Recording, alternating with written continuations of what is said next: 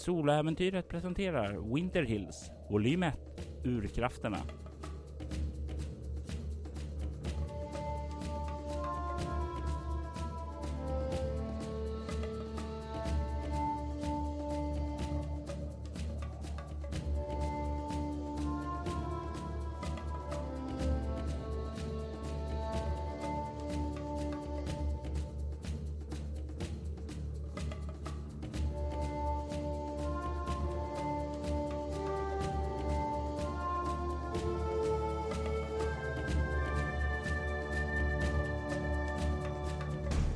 Säsong 2 avsnitt 14 Looking Glass sista delen. Rebecca och William Saroyan har anlänt till den andra platsen som Gilbert Shanks hade märkt ut i hans bok. Den bok som hon fann i hans sovrum under sängen den boken som tvillingarna Shanks inte visste om att den fanns. Det rör sig nu in i den stora mörka grottan. Den grottan som, är, som för länge, länge sedan klöstes upp av uråldriga primala bestar. Ljuset från era ficklampor lyser upp en del av den här gruvan.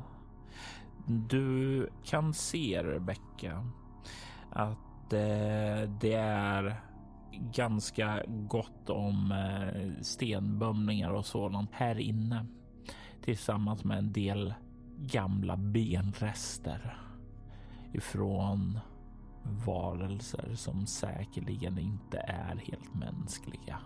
Det här är en grotta som liksom, ja, du känner det demoniska resterna ifrån de här bestarna, energin ifrån dem. Det sticker lite i hyn och du känner längre in här också ekot av den välbekanta energin från urkrafterna. Du kände ju den på den andra platsen, men här är den starkare. Ser jag några tecken på att någon annan har varit här? Eh, du börjar spana efter det och detsamma verkar William också göra. Och ni båda kan finna fotspår som verkar leda utåt mot gången ni kom från djupare in i grottan. Jag vill att du slår ett lätt slag med ego överlevnad. 13. Du kan se att det verkar vara fotspår som tillhör fyra olika personer. Bara en av dem verkar vara kvinna medan de andra är män. Du kan ana det utifrån de skor som bärs och som har gjort avtrycken. Om jag rör vid eh, avtrycken, kan jag få ut någon mer information? Du skulle kunna göra det. Men eh, det skulle nog vara ganska flyktig information. Men du tror nog att om du följer de här fotspåren till varifrån de kommer skulle du nog få en tydligare bild. Då gör jag det. Ni börjar följa de här fotspåren. Du kan se att de leder till en eh, öppning som eh, sluttar uppåt. Det går en gång uppåt i 30 graders lutning och den verkar ja, leda 15 meter upp till en ny sal. Den här gången är dock mycket, mycket mindre. Den är inte stor för någon av de här bästarna utan den är väl kanske två meter bred och två meter hög. Ja, jag vill undersöka den. Spåren kommer där uppifrån och du känner energin från urkrafterna är starkare där uppe. Men inte jättes, jättestarka. Du har känt andra hot som varit betydligt starkare. Nej, men då tar jag mig dit.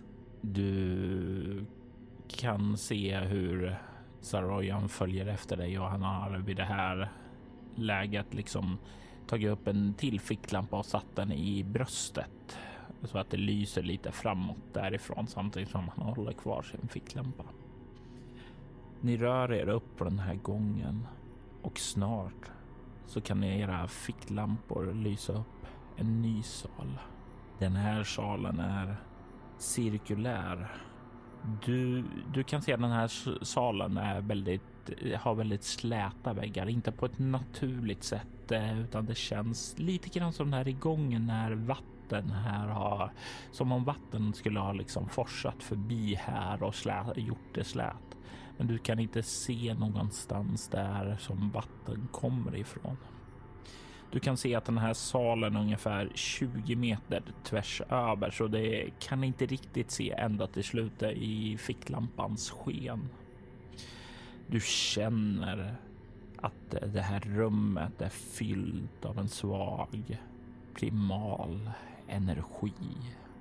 Det stinker av kaos, mörker och den starkes rätt här inne.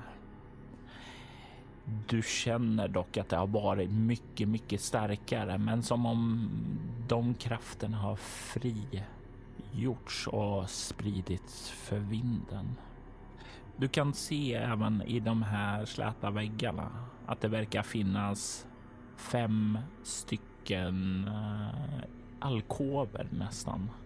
Eller ingröpningar som om oh, nästan ser det ut som människor som har stått där och lämnat avtryck ända in i bergväggen. Som att eh, berget har formats efter dem. I mitten av salen så kan du se ett altare i sten med intorkat blod på sig. Framför altaret så kan du se också att det finns ett hål i marken. Du har du okultism 4? Ja. Du får känslan av att det här har nog varit en gammal ritualplats där mörka riter utförs, troligtvis till urkrafternas ära. Men du kan ana också att det finns inristningar på altaret. Inristningar som har gjorts relativt nyligen. Kanske så sent som en vecka sedan. Kan jag bedöma när spåren gjordes? Med den här informationen så ja. Samtidigt? Troligen ja. Och du kan lägga märke till att allting här verkar kretsa kring den här altaret som du ser där framför dig och där skulle du vara nog och där skulle du nog säga epicentrum att vara om du skulle vilja ta reda på mer om platsens hemligheter. Känner jag igen inristningarna på något sätt? Du kan få slå ett eh, svårt slag med egolingvistik. Du har plus två på slaget. Elva. Nej, det är inte någonting som ringer bekant. Inristningarna verkar gjort på någon form av skriftspråk som du inte är bekant med. Jag tar på altaret och för fingrarna längs med skriften för att få större insikt. Och medan du gör det så kan du se hur eh, William börjar kolla nedåt i hålet. Du för fingrarna över altaret och du kan se fyra personer som står vid det. Hur de skär sig i handen och spiller blod över altaret. En efter en. Du kan se de här personerna som står där. Det första verkar vara en eh, ung indiansk man med skäggväxt som går eh, över ned längs kinderna och sen upp i en liten glipa precis under läpparna. Du kan se hur han har ett ganska, ett ganska bistert och allvarligt ansiktsuttryck. Verkar han ha tecken som tyder på någon av inuitstammarna i området? Du skulle definitivt säga att det här är troligen en av inuiterna. Eh, du kan... Vad har du i humaniora? Fyra. Eh, ja, eh, du skulle definitivt säga det.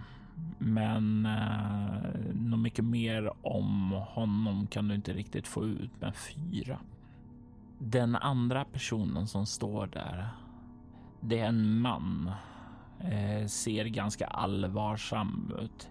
Klädd i en proper kostym som ser sliten ut. Den är gammal och med din humaniora 4 så kan du också troligen härstamma den till 1880-talet.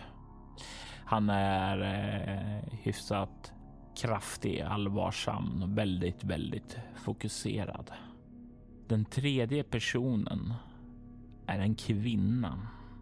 Hon är klädd i en enkel klänning som lämnar hennes armar nakna och en liten urringning där eh, som också är blottad. Ser definitivt inte ut som eh, någon typ av lämplig eh, klädsel för ett så här kallt klimat. Hon har också någon form av eh, eh band lindat uppe eh, vid tinningen över pannan och eh, du skulle väl kunna placera hennes klädsel till någon form av kanske enkel klänning på 1920-talet. Den sista mannen där får det att rysa i din hud. För honom känner du igen så väl. För det är en man du har delat säng med. Du känner igen Gilbert Changs. Du kan se hur de spiller blodet över altaret en efter en. Först inuiten, sedan den eh, propra klädda mannen, sedan kvinnan, sedan Gilbert. Du kan se hur blodet spills och du kan ana ett svart mörker glider upp ur hålet och in i dem. De andas till och stegar tillbaka fylld av urkrafterna. Kan se dem liksom böjer lite på huvudet där. Och sedan plötsligt så kan du se hur kvinnan vänder sitt huvud bakåt och kollar. Ja, det känns nästan som hon kollar rätt på dig då, men det här var ju för en vecka sedan så hon skulle inte kolla, kunna kolla på dig. Hon verkar se mot någonting. Hon säger... Ah, vi har en spion bland oss. Och i nästa ögonblick så känner du hur en kraft trycker till dig enormt och du känner hur du slungas från altaret och far de här tio meterna bort mot en vägg och slår in i den och du landar med ett brak där och det är ungefär där som all den här synen tar slut när du slungas in där. Du tar en bestående förlust i kropp och sedan vill jag faktiskt att du slår ett chockartat skräckslag med ego. För det här, det är någonting som du aldrig varit med om. När du kollat efter hemligheter på en plats, eh, då är det ju ofta att du uppfattar saker från det förflutna så som du gör nu. Aldrig är det något som har kunnat interagera genom den här tiden fram till nu. Det här är ju ohört av, men samtidigt får du en väldigt, väldigt stark känsla att du nyss bevittnat din fiendes ansikte. Den som den röda damen sa skulle finnas här, som hade gjort en deal med urkrafterna. Slå ett slag. Jag slog fem. Vad har du i ego? Ja, nu med alla bestående förluster så har jag bara tre kvar. Får du något plus från isdrottning på skräckslagen? Ja, plus ett. Då kommer du upp i nio. Men det är faktiskt nog för att du ska få en skräcknivå av det. Du slår in i väggen och landar där med insikten av det och du hör eh, William bara hur, hur gick det? Vad hände? Ah, det... Jag eh, måste ha halkat halkat, säger han och blänger på dig. Du kan få slå ett motståndsslag med eh, utstrålning plus interaktion. Du har dina minus sju här och du får ytterligare minus två på det här slaget. Ja, alltså jag skulle slå utstrålning, var det så? Ja, Ja, och, och minus två ytterligare, eller? ja, så minus nio. Hmm. Ja, Han slår en etta och kommer därmed upp i nio, tio. ja, då har jag sex. Eh, han kollar på dig ungefär bara allvarligt eh, och sen så börjar han gå fram till dig och räcker ut handen eh, som att ge dig den för att hjälpa dig upp Jag tar handen och han drar upp dig. Han kollar på dig och säger jag vet att det pågår massor med märkliga saker här i trakten. Du behöver inte komma på lögner. Någonting är här. Jag känner det också. Jag känner en obehaglig närvaro. Var det den som du kände? Det här är en ond plats. Det här är en farlig plats. Jag eh, mötte en ondska som eh, stötte bort mig. Eh, från hålet då eller? Inte från hålet. Från altaret. Okej. Eh, jag, jag såg inte vad som hände där, men jag ser, såg ner i hålet att eh, det finns massor med ben där nere. Eh, mer av den sorten vi såg där nere. Men det finns också ett hål vidare ned där nere. Jag går fram och... Den här scenen som jag fick se Mm. förklarade där på, någon på något sätt de här fem hålen. Nej. Eh, Så jag vill ju undersöka dem också genom att känna på, Mm. på hålen. När du gör det och lägger din hand där för alkov för alkov så kan du känna att de är olika gamla. Det, den äldsta är många århundraden gamla och den kommer från inuiten. Den nästa är från 1880-talet och tillhör den välklädda herren. Sedan på 1910-talet så kan du se att det är den här kvinnan som den tillhör.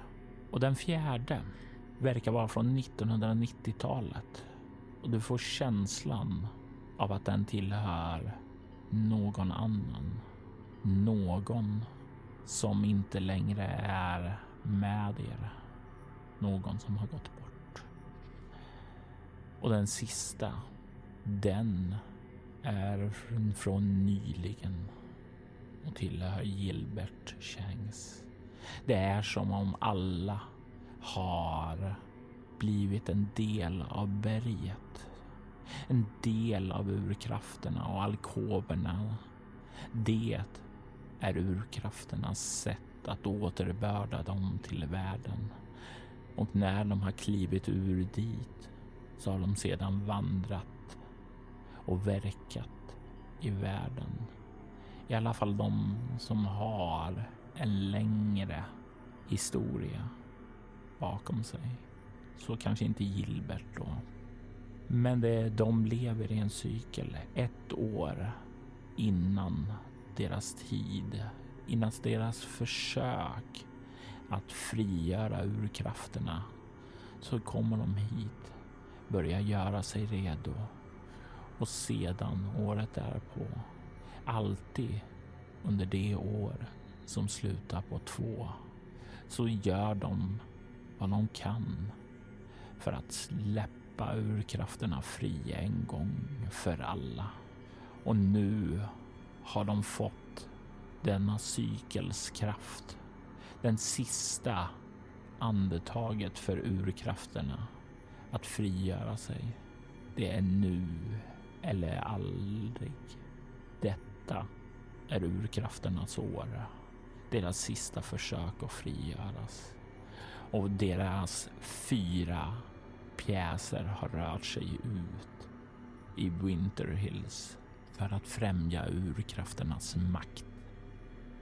Du får också en stark känsla av att i samma ögonblick som de spillde blod över altaret så var det då urkrafternas makt, deras livgivande vatten som ledde här nerifrån bort till den andra platsen.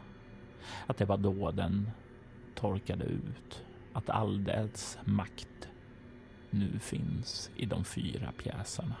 Så det här hålet med, med ben, rester, Mm, det verkar vara en offerplats. en offerplats. Mm.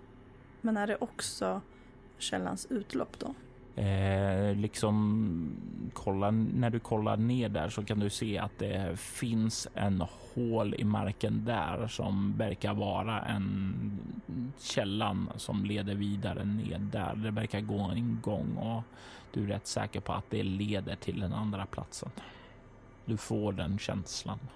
Men det finns inga tecken efter den här saknade flickan här någonstans? Nej. Och inga små barnaben eller liknande där nere? Nej, inte vad du kan se här uppifrån i alla fall, men det, det skulle kunna finnas. Det, det skulle du behöva ta dig ner och undersöka mer noggrant för att kunna avgöra med största möjliga säkerhet.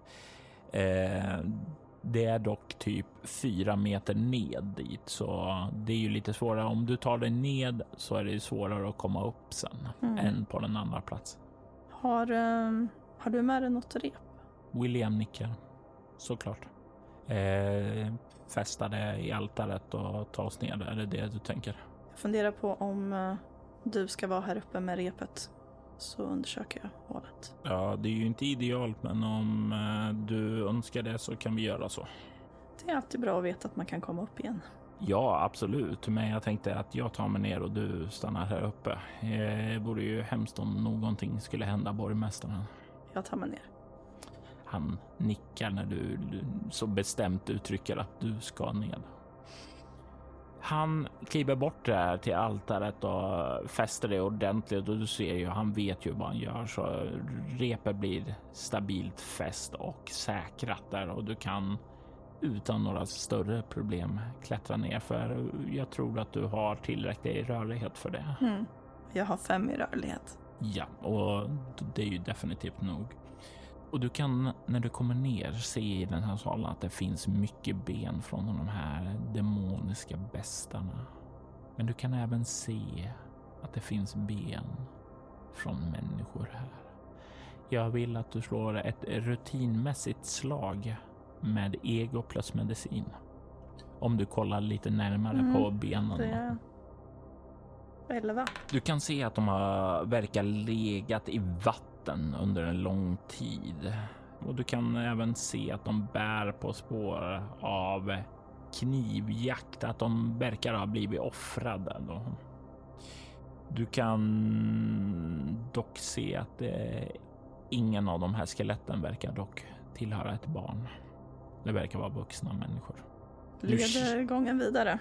Du kan också se en hål här i marken som är ungefär som det andra stället du var på, att den går ner två och en halv meter och sen så leder det en Mm. bit iväg däråt och Bedömer jag att det leder bort till den andra mm, ja, bosättningen. Mm.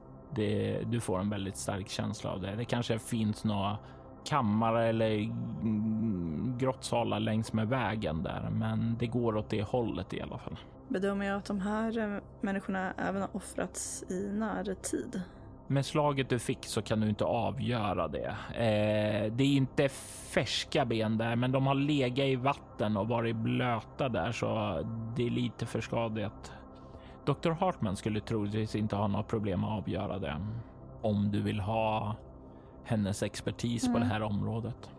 Jag, eh, jag tar ett av eh, benen med mig så att eh, hon ska kunna avgöra det.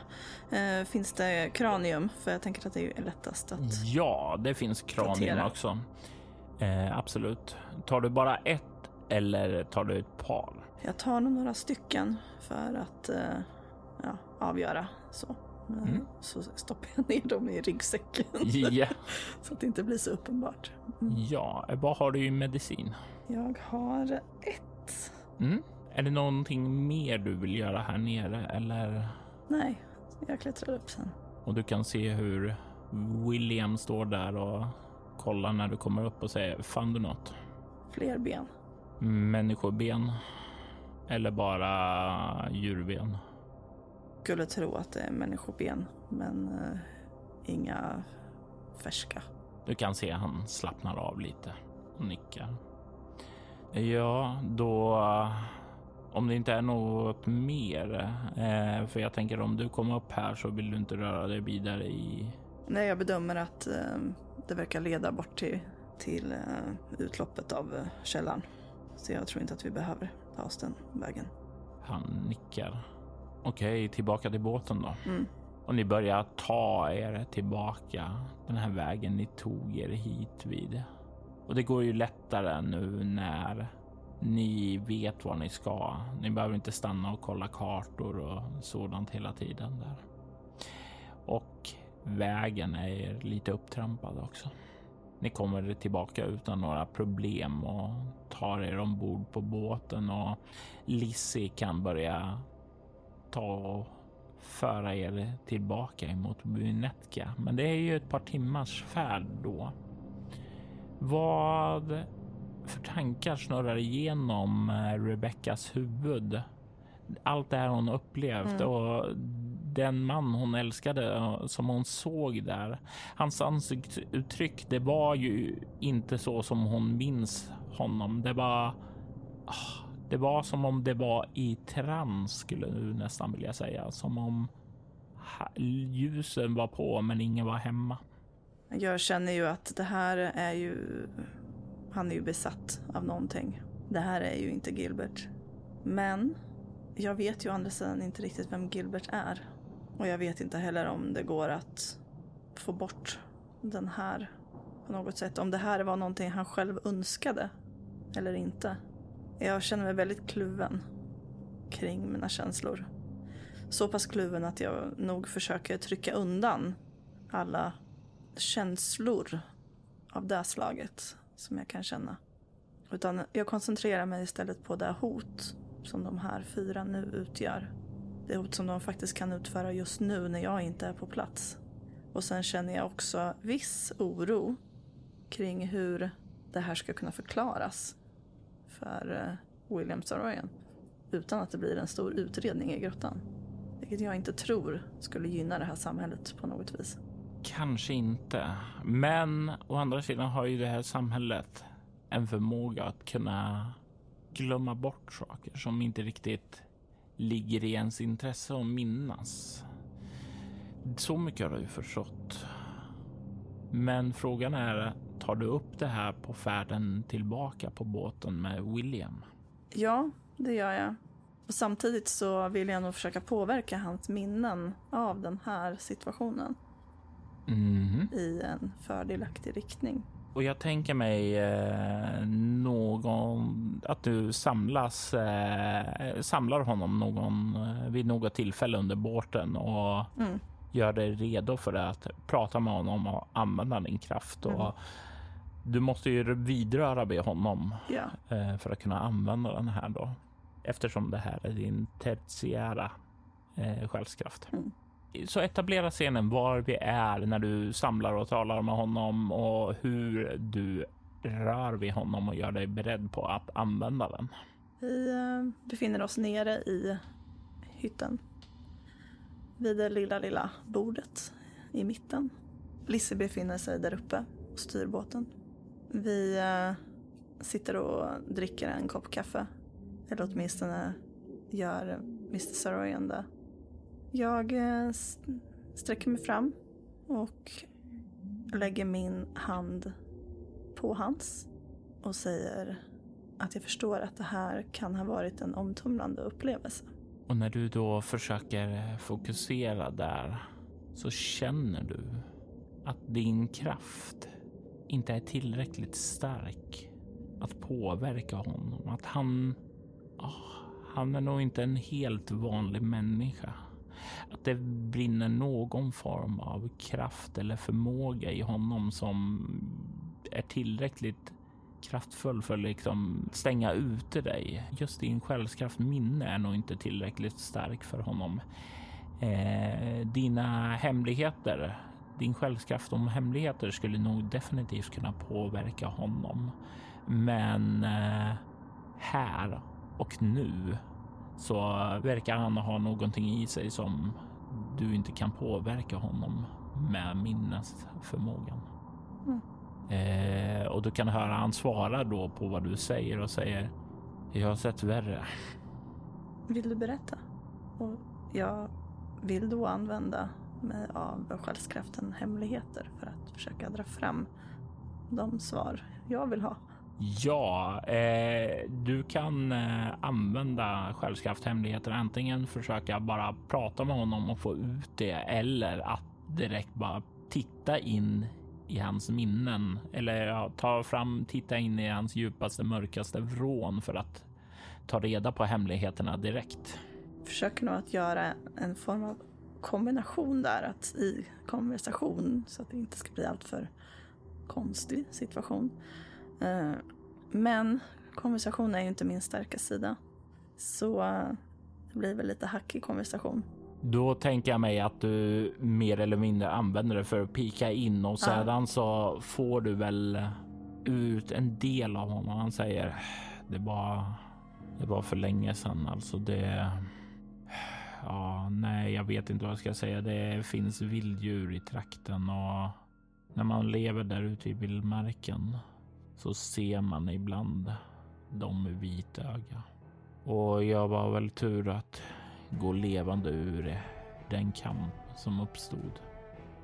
Det är inte någonting jag gillar att tänka tillbaka på av förståeliga skäl, men jag kan förstå att det finns saker här som inte är så lätta att förklara.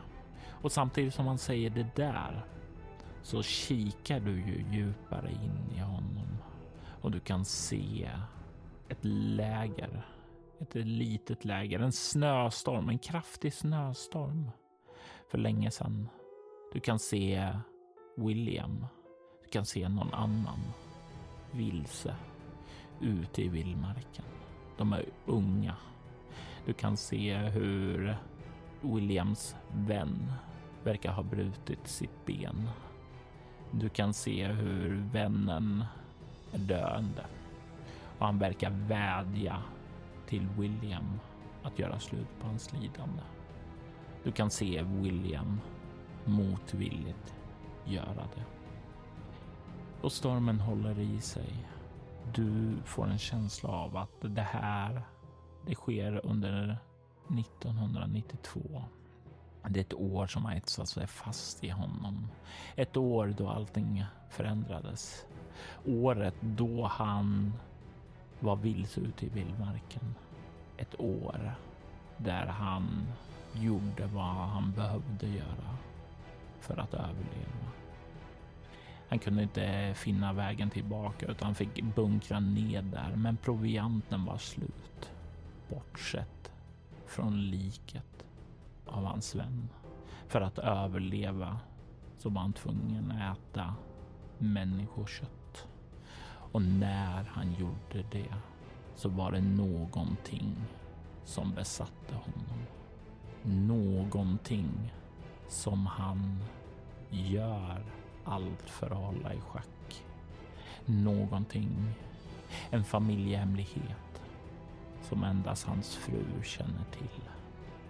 Hans fru Lian Saroyan som hjälper honom att hålla det i styr med hjälp av hennes magiska kunnande. Av förståeliga skäl är det någonting han inte känner sig villig att ta upp. Han kollar på dig med en allvarlig min och sedan så säger han jag, om du är orolig för att jag ska säga någonting om vad vi såg så behöver du inte vara orolig för det. Jag förstår att vissa saker är bättre att hålla hemliga. Så är det nog. Och han möter din stirrande blick och håller den en liten stund innan han vänder sig, innan han vänder undan den. Den här hemligheten du tog från honom. Hur får det Rebecca att känna? Hon lägger William Saroyan i raden av en av dem som en dag kan utgöra ett hot. Men hon är samtidigt lättad över att hon inte behöver fundera mer på den här hemligheten. Ni tar er tillbaka till Vinetka. Det är tidigt på morgonen när ni kommer till Vinetka där och eh, Lizzie dockar och ni kliver av båten och William tar farväl av dig. Såvida det inte är någonting mer du vill ha av honom. Inte för tillfället.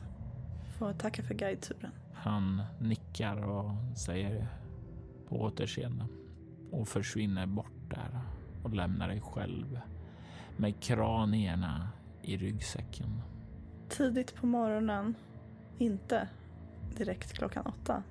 Jag eh, tackar eh, Lizzie, eh, säger att hon kan lämna debitering för resan till min assistent. Sen tar jag mig in till mitt kontor, till våra lägenheter. Jag vill göra mig säker på att Lyle är säker. Och du kan ju se när du kommer tillbaka att det faktiskt lyser ifrån sheriffens kontor att han verkar ha kommit ned i tid den här gången. Eller faktum inte bara i tid utan även innan tid. Det var ovanligt. Varför? Jag ställer av mig ryggsäcken på farstubron och sen går jag in till eh, Lyles kontor. Dörren är olåst och du öppnar upp den och kliver in och du kan se borta, borta vid skrivbordet så ser du hur Lyle ligger livlöst framåthängd över det. Jag vill att du slår ett chockartat skräckslag med utstrålning när du ser hans livlösa kropp där. Är det minus på utstrålning? Ja, du räknar alltid med det bestående förlusten du har haft, men under den här tiden som har gått där så har du haft det nog för att eh, så har du hunnit vila så du har fått tillbaka en bestående förlust om du har någon där. Och om du undrar att du får minus sju så är det nej, det är fortfarande inte där som det gäller. Det är bara när du ska vara social och mm. övertala. Så då är det bara utstrålning helt enkelt och en tärning. Mm. Då blir det 6 plus 3.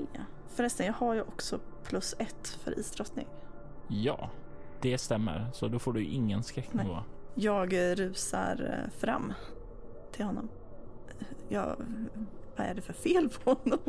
Har han eh, tuppat av? av du stannar till där, bara kika ned när eller sliter du tag i honom eller? Jag, jag tror att jag tar, tar tag i honom. Och du tar tag i honom, rycker, rycker upp honom och han bara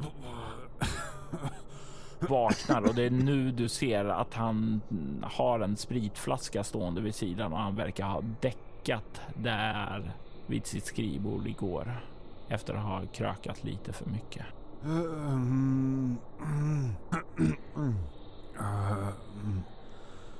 Lyle, du behöver gå och lägga dig. Han kollar sig lite förvirrat omkring och sen så fastnar hans ögon på klockan. Jag behöver bara ta en dusch.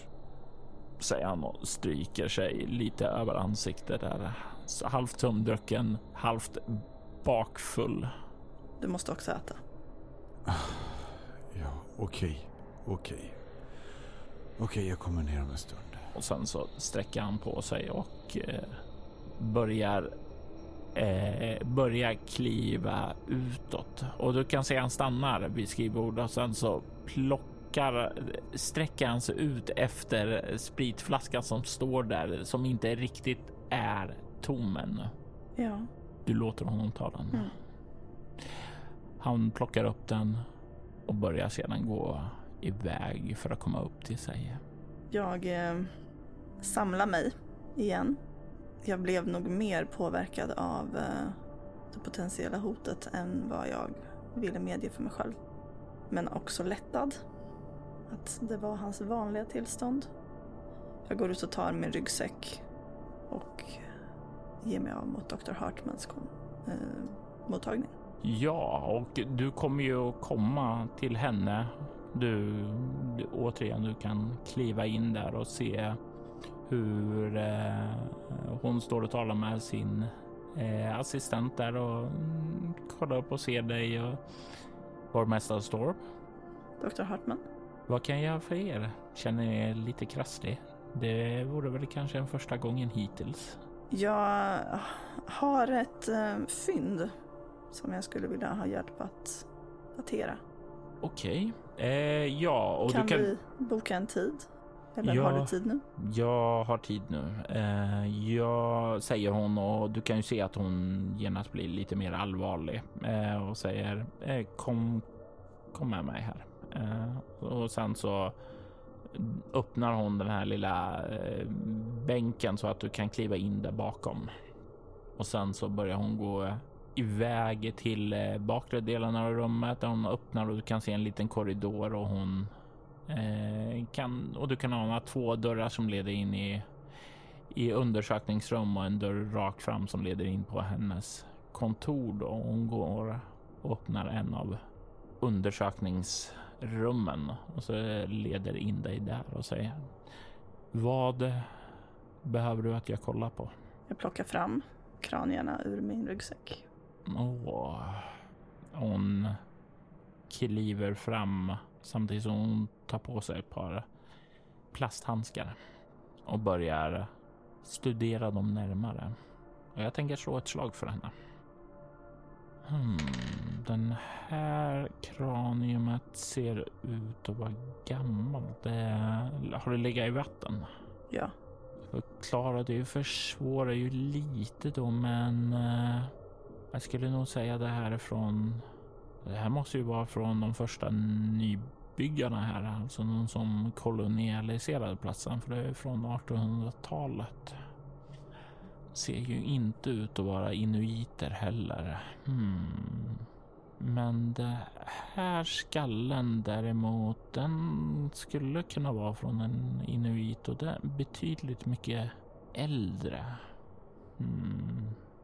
Var fann ni de här någonstans? Det råder utredningssekretess. Mhm, okej.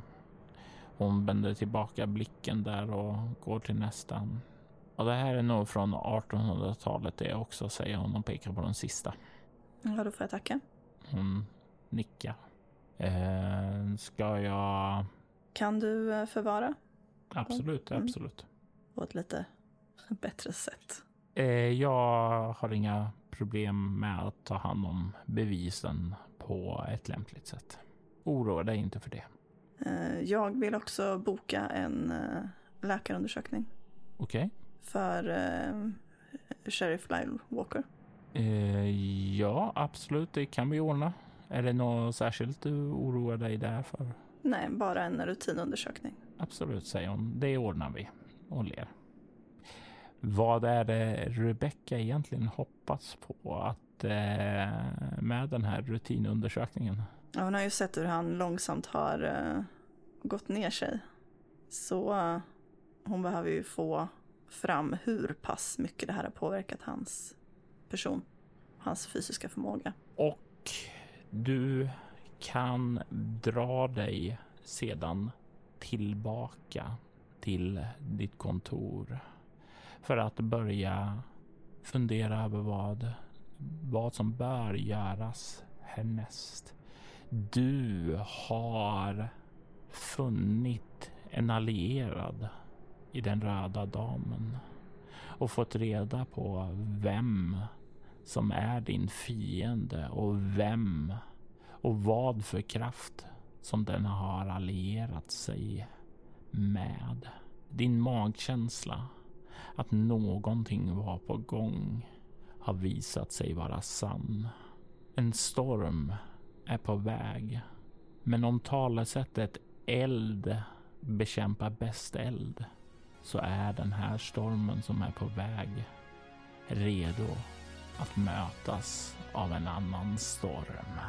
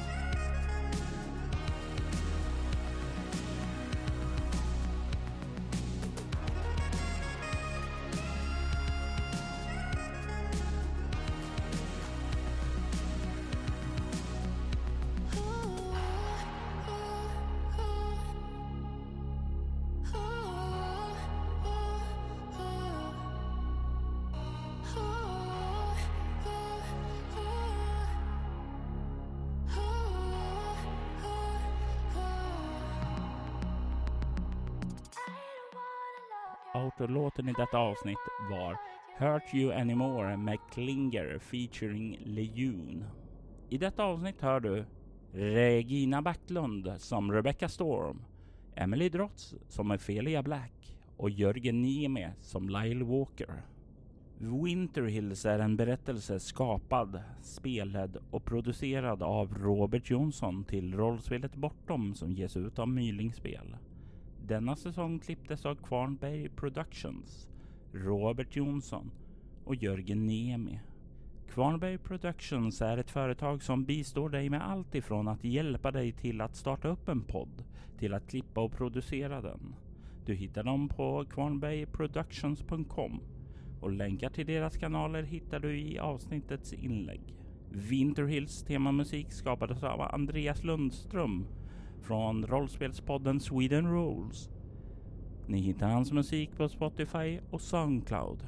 Musiken i denna säsongen kommer från Ager Sonus, Alfax One, Atrium Carcere, Cities Last Broadcast, Council of Nine, Creation 4, Cryo Chamber kollektivet, Dead Melodies, Eldar, En Marta, Gidanien Northumbria, Onasander, Plamen Vecnosti, Proto Jew, Shrine, Skrika, Tinnedai, Ugasani, Xerxes the Dark, Wolves and Horses. Alla dessa band var från Cryo Chamber. Från Epidemic Sound kan vi höra banden Airei, Amaru, Amos Noah, August Wilhelmsson, Bladverk Band, Kristoffer Mo Ditlevsen, Klinger featuring Lejon, Edgar Hopp, Edvard Karl Hansson, ELFL, Luden, Francis Wells, Gavin Luke, Hampus Naselius, Johan Glossner, Jon Björk, Lama House, Loving Caliber, Middle End, Rand Aldo, Red Revision, Savun, Sightless In Shadow, Silver Maple, Trailer Works och Young Community. Övriga artister som medverkar i säsongen är Adrian von Ziegler, Andreas Lundström, Derek and Brandon Fichter, Is Jammy Jams, John Lahtinen, Kevin MacLeod, Nicholas Heidless, Ryan Beats, Tabletop Audio, Vlogson samt Copyright Free musik. Den sångslinga som kan höras i samband med Sjöhäxan är en ljudeffekt hämtad från Free Sound skapad av användaren Timber. Länkar till skivbolag och artister hittar du i avsnittets inlägg.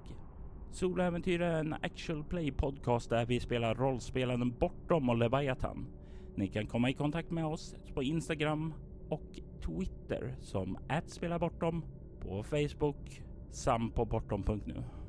Vill ni ha liknande poddar som denna kan ni spana in våra spin-off-poddar Altor Schwider och Valerie Chronicles.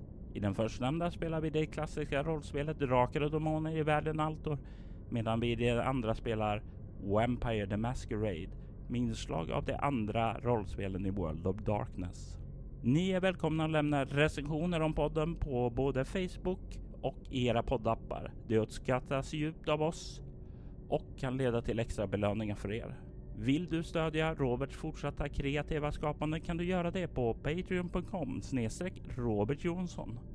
De som backar får tillgång till material i form av extra poddar och statusuppdateringar. Mitt namn är Robert Jonsson. Tack för att du lyssnar. Vi vill ta tillfället i akt att tacka, hylla och hedra våra Patreon-backare Ty Nilsson, Daniel Pettersson, Daniel Lantz och Morgan Kullberg. Ert stöd är djupt uppskattat.